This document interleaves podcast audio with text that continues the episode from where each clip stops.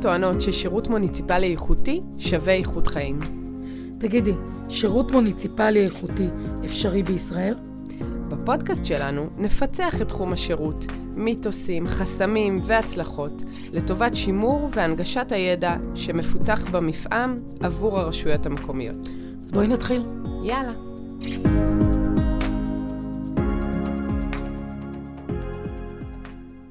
בוקר טוב, דקלה רוזנשטיין שלומי. בוקר טוב, דבורית נבו. קחו איתכם את השמש, קחו איתכם את האור. אה, לא משנה באיזה שעה של היום אתם שומעים את הפודקאסט. אה, ספרי לנו, מה היה לנו עד עכשיו?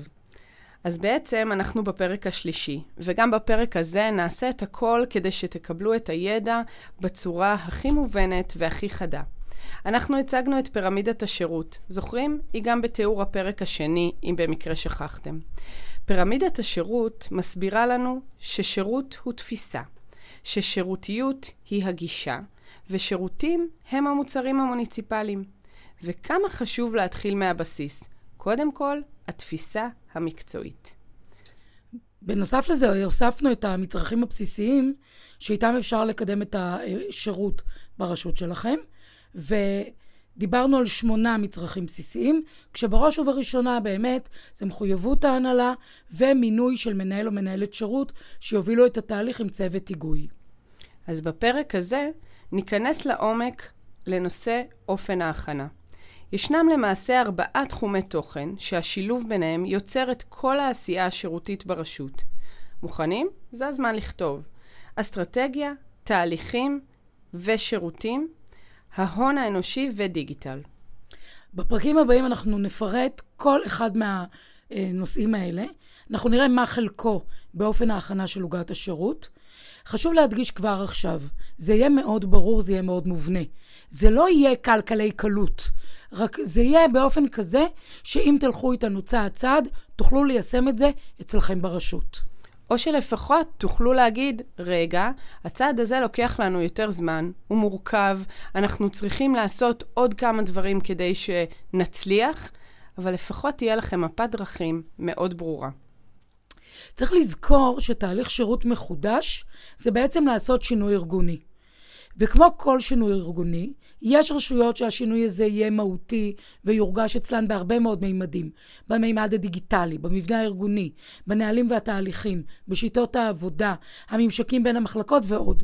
ויש רשויות שהשינוי הזה יהיה מינורי, ממש שינוי קוסמטי, ויעשה שיפור בטוב הקיים. בכל מקרה. צריך לזכור, רוב האנשים מעדיפים יציבות על שינויים, ועלולות להיות התנגדויות.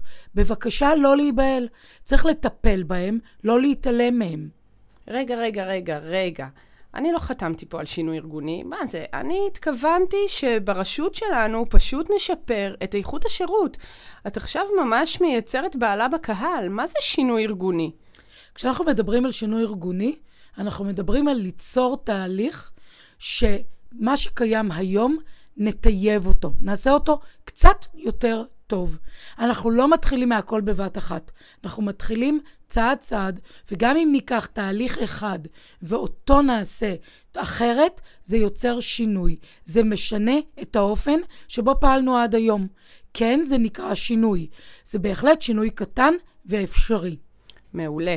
זאת בדיוק המחשבה, הדרך שכולנו צריכים ללכת אותה. להבין שאנחנו ניקח צעד צעד את התהליך הזה, וגם נייצר שינוי בתוך הרשות שלנו.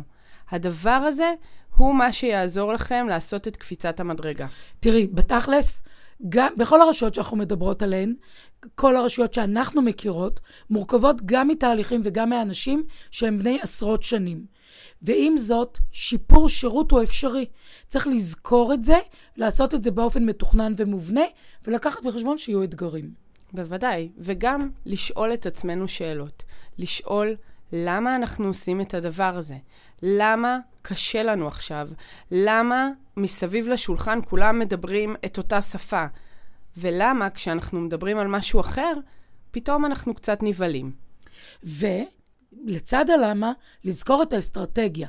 זאת אומרת, היום, כשנתחיל ונבנה אותה, אנחנו נזכור שגם יש לנו תשובה.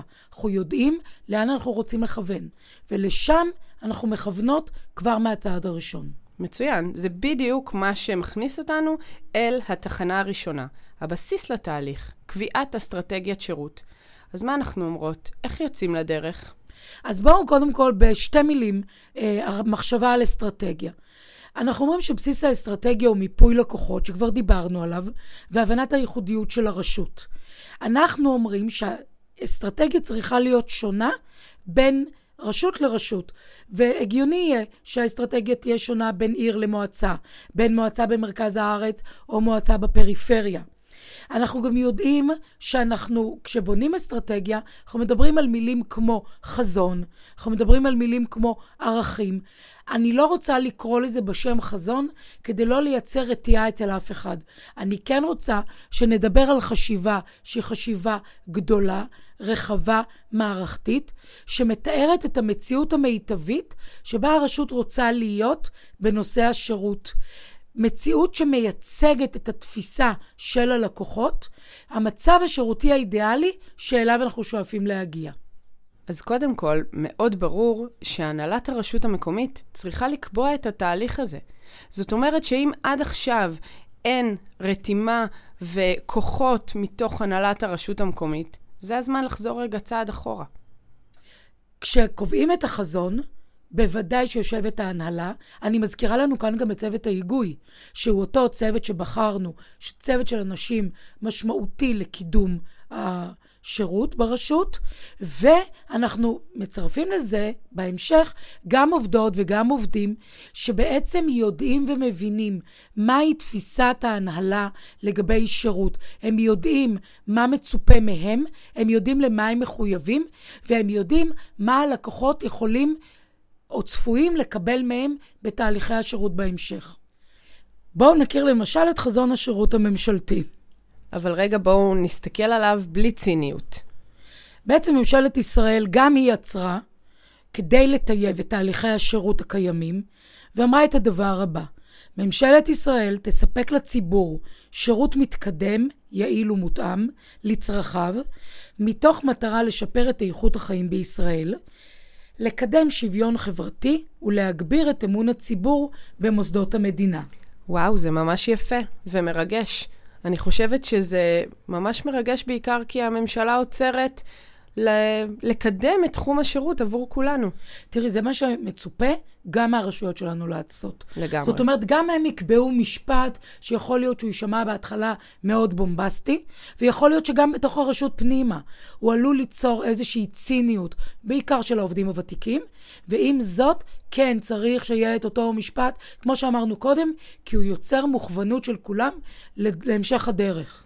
אז בואי נראה רגע כמה דוגמאות שמצאנו ברשת של כל מיני רשויות. אתם מוזמנים בתגובות ובמיילים על הפרק הזה להביא את הדוגמאות שלכם. למשל, אם אה, ניקח את עיריית שדרות ואת דבריו של אלון דוידי, ראש העיר, כמו שהוא הגדיר את זה, הסלוגן של עיריית שדרות הוא חושבים שירות. הם מצהירים שם, חושבים על התושבים, וכיצד ניתן לשרת אותם במקצועיות ובמחויבות. בחזון העיר בת ים איחדו פסקה לנושא השירות וקבעו שירותים עירוניים איכותיים ונגישים, מתן מענה אישי מהיר, יעיל ואדיב לכל פנייה. השירות העירוני יתבסס על הקשבה ועל הידברות, על רצון לסייע ככל האפשר, וכל זאת לצד פיתוח ערוצי שירות מקוונים הנגישים מכל מקום. במועצה האזורית בני שמעון הגדירו שחוזקה של המועצה הוא בעצם היותה קהילה של קהילות. תפקידה המרכזי של המועצה לסייע ולחזק כל אחת מהקהילות בהתאם לאורחות חייה, ובד בבד לפתח ולבסס את הקהילה האזורית ואת השירותים המשותפים.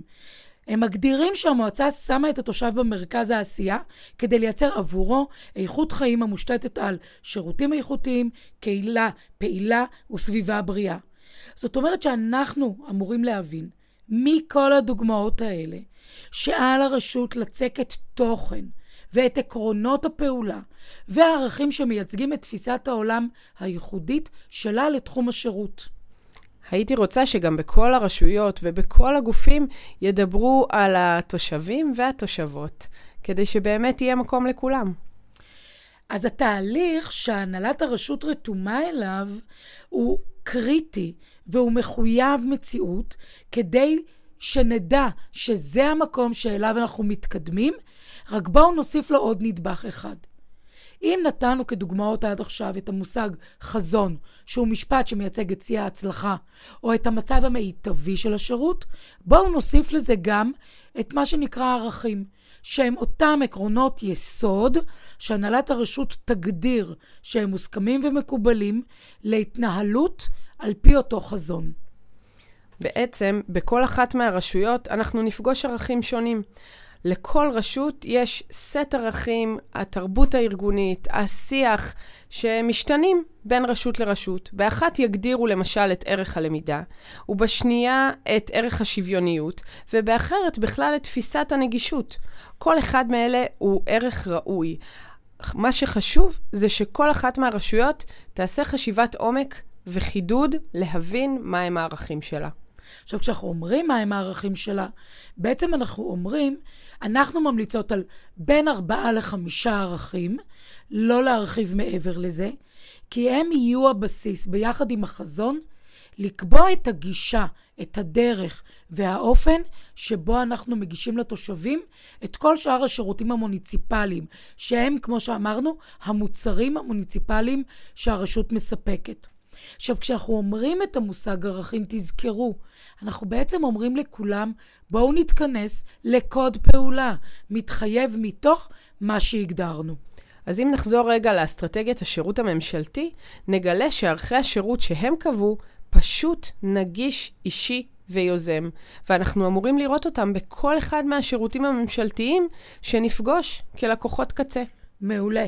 זאת אומרת שאחרי שקבענו גם חזון וגם ערכים, זה הרגע להתחיל לתווך את זה לעובדים. אני כאן מדגישה עדיין לא ללקוחות הרשות, כי זה עלול ליצור איזושהי ציפייה שתוך שנייה וחצי, הופ, הופ, לוקחים את החזון, לוקחים את הערכים, וכבר הרשות מתנהלת אחרת. וכאן אנחנו אומרים, רק עוד רגע, אנחנו עדיין בשלב הרעיון ולא בשלב היישום. הפצת החזון והערכים אל הכלל, לפני שאנחנו קובעים איך אנחנו עושים את השירותיות ואת השירותים, עלול להביא לאכזבה. לא לציפייה. ובואו נעצור עם זה כאן. זה ממש מזכיר לי את uh, עידן אמנות השירות, שהרשויות המקומיות הצהירו בשלטי חוצות על איך השירות ייראה אצלם, ואז התרסקו, כי התושבות והתושבים שלהם מיד הלכו לבדוק איך השירות הזה עובד, ונכנסו בהם בכל מקום שיש. אז מה היה לנו היום? זה הזמן לכתוב. אז השלב הראשון בהכנת עוגת השירות זה קביעת אסטרטגיית שירות ברשות, החל מחזון שהיא תמונת שיא ההצלחה של השירות שניתן ללקוחות הרשות, וממשיך בערכים שהם אותם עקרונות יסוד שאנחנו קובעים שאליהם אנחנו רותמים את העובדים והעובדות של הרשות כדי לפעול לפיהם מול כל סוגי לקוחותינו. קחו את הנהלת הרשות שלכם יד ביד, או אם אתם המנהלות והמנהלים ברשות, תובילו את השלב הזה. בהצלחה, נתראה בפרק הבא. גרמנו לכם במחשבה? אצלכם ברשות עושים את זה מעולה? נכשלתם כישלון מפואר? דברו איתנו. אני דבורית נבו. ואני דקלה רוזנשטיין שלומי. ואנחנו מפתחות שירות.